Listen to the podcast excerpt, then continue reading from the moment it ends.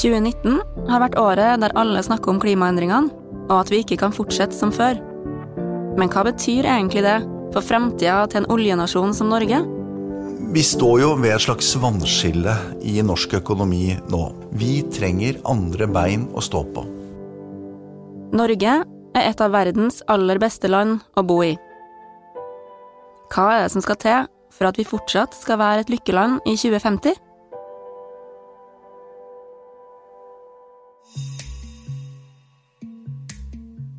Vi står jo ved et slags vannskille i norsk økonomi nå. Det er en del eh, utviklingstrekk rundt oss, men også her hjemme, som kan utfordre eh, den velstanden og den velferden vi har i Norge. Det her er Øystein Dørum. Han er sjeføkonom i NHO. Det han har fått spørsmål om, er om han tror at Norge fortsatt kommer til å være et lykkeland i 2050. Det kan vi selvfølgelig ikke vite, men eh, vi tror jo at Norge fortsatt vil ha veldig gode forutsetninger for å være et av verdens beste land også i 2050. Hva er det som må til for at vi skal være det? Da må vi spørre oss selv hvorfor har vi blitt et av verdens mest vellykkede land nå? Jo, det er fordi vi har eh, vært et land som har hatt rikelig med naturressurser vi har klart å ta i bruk. Det er fordi vi har vært et land som har latt markedet virke. Det er fordi vi har valgt å handle med omverdenen. Det er fordi vi har vært et lite land med små forskjeller, stor grad av tillit og samarbeid mellom folk. Og det er fordi vi har klart å utvikle gode velferdsordninger og et godt utdanningssystem og et godt helsesystem som alle sammen bidrar til å gi en høy verdi på det som er vår viktigste eh, ressurs, nemlig arbeidskraften vår, våre hoder og hender. Men som Dørum sier innledningsvis, så står vi ved et vannskille akkurat nå. Det er nemlig ikke gitt at utviklinga fortsetter sånn som den har vært. Sjeføkonomen peker på flere utfordringer. En av dem er at eldre utgjør en stadig større andel av befolkninga. Eldre jobber ikke. De skal ha pensjon. Mange av dem skal ha pleie og omsorg. Det betyr for statens vedkommende lavere inntekter og høyere utgifter. En annen faktor er at verden nå, etter 75 år med stadig mer åpen handel og økt økonomisk samarbeid, går i motsatt retning, med USA og Kina i spissen. Og lille Norge har bygd mye av sin velstand på det å handle med andre land. Bytte bort det vi har mye av, f.eks. olje og gass, med det vi har mindre av, f.eks. bananer. Eh, og på det bygd velstand her, her hjemme. Sånn at når den internasjonale handelsorden trues, kan det også true vår velferd. Den siste, og kanskje viktigste faktoren, handler om at det som har vært Norges viktigste eksportvare og inntektskilde, er noe som verden nå er nødt til å bruke mye mindre av. I flere hundre år så har vi sluppet CO2 ut i atmosfæren. Eh, det er årsaken til at det er blitt stadig varmere, og klimaforskernes budskap er helt utvetydig. Nå må vi tverrvende. Nå må utslippene ned. For å få det til må vi bruke mye mindre karbonbasert energi. Og Norge har hentet store deler av sine inntekter nettopp på å produsere og eksportere karbonbasert energi. Produksjonen på norsk sokkel skal ned uansett. Det er mindre utvinnbar olje igjen. Men vi står også overfor en mulig utfordring der endringer i teknologi og endringer i prising, endringer i etterspørsel etter karbonenergi, vil gjøre at verdien av våre ressurser vil kunne bli mindre enn det vi har sett for oss. Inntektene derfra vil kunne bli mindre. Og antall jobber som er kobla opp mot Nordsjøen og i tilknyttet virksomhet, vil gå ned. Vi har eh, levd i en slags eh, oljerus i, i, i 50 år nå. Vi trenger andre bein å stå på. Det Norge vi kjenner i dag, er på mange måter et samfunn som er bygd på olje og gass. Og det er med referanser til oljens betydning at Norge er fremstilt som et lykkeland. Både på TV hjemme her, men også i andre sammenhenger verden rundt. Men som Øystein Dørum sier, så gjør bl.a. klimaendringene at Norge må forandre seg. For mange vil det være umulig å høre beskrivelsen av Norge som et lykkeland og betydningen av olje for norsk velstand uten å tenke på Equinor. Men også det er et selskap som er i endring. Mye av det som har vært eh, sannheter, eh, stilles det spørsmålstegn ved fordi klimaendringer rokker ved det mest eh, fundamentale i verden rundt oss. Og Det betyr at vi også må stille de samme fundamentale spørsmålene rundt eh, hvordan vi som nasjon utvikler oss, og hvordan vi som selskap driver vår virksomhet fremover. Han du hører stemmen til her, er Reidar Gjærum. I snart 15 år har han vært kommunikasjonsdirektør i Norges og Nordens største selskap, Equinor. Hvorfor er det aktuelt å stille spørsmål om Norge fortsatt kommer til å være et lykkeland i 2050? Det tror jeg fordi det som vil eh, være et lykkeland i 2050, er veldig annerledes enn det som ble et lykkeland da vi fant uh, olje i 1969. Den gang var det fokus på vekst og mulig økonomisk velstand. I 2050 vil det handle mye mer om bærekraft og å ha tilpasset seg å være et uh, lavutslippssamfunn. Hva betyr det her for Equinor? Det betyr en fortsatt uh, endring uh, mot å bli et bredt energiselskap. Fremtidens energimiks kommer til å se annerledes ut. Det blir mindre olje og gass. Det blir mer sol, vind og fornybar. Og skal vi overleve som selskap, så må vi også tilpasse oss det.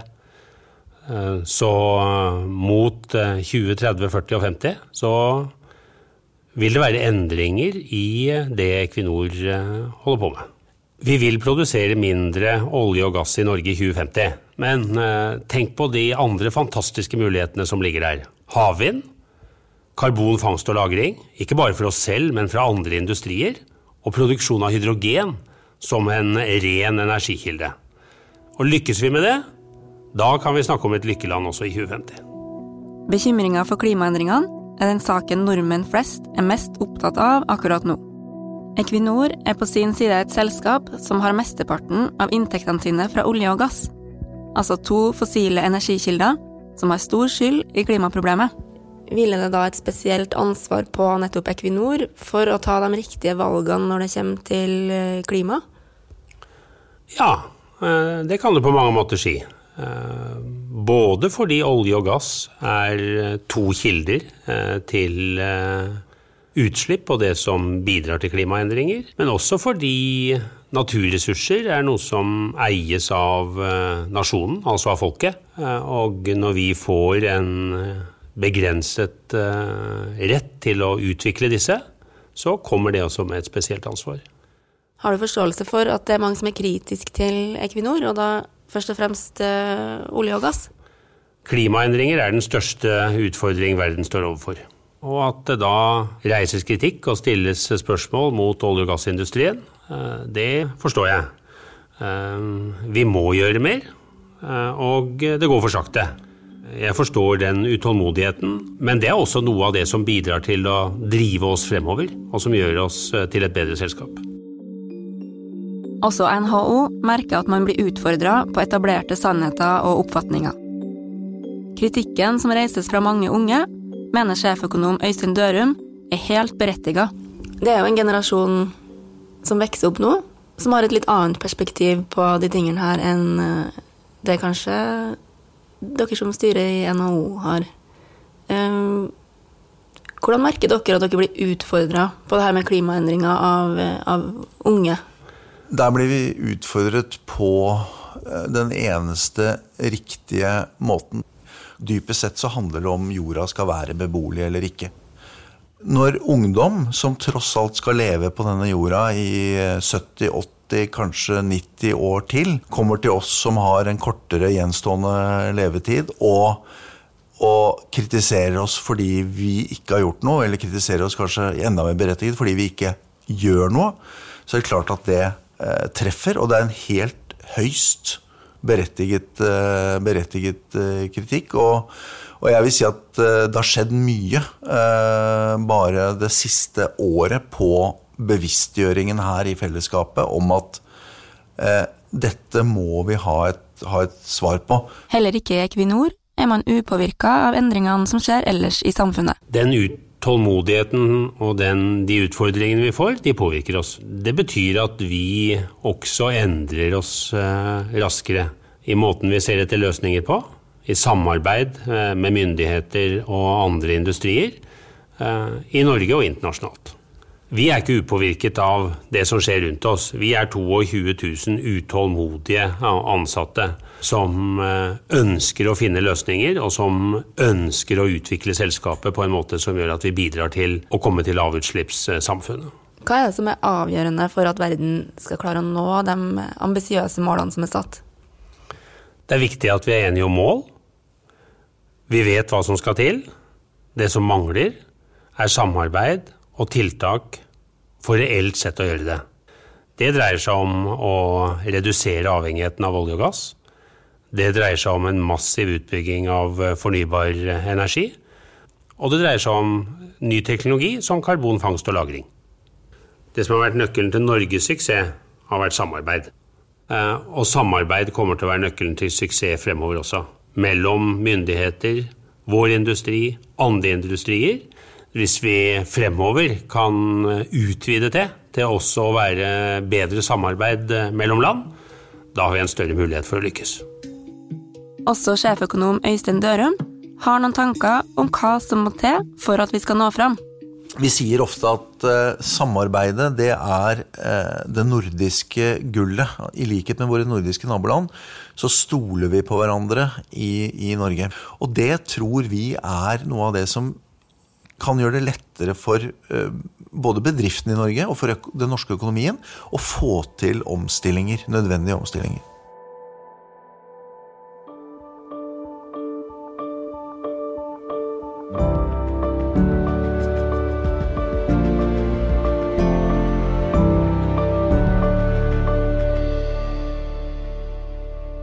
Vår tids store felles oppgave er å løse klimautfordringene.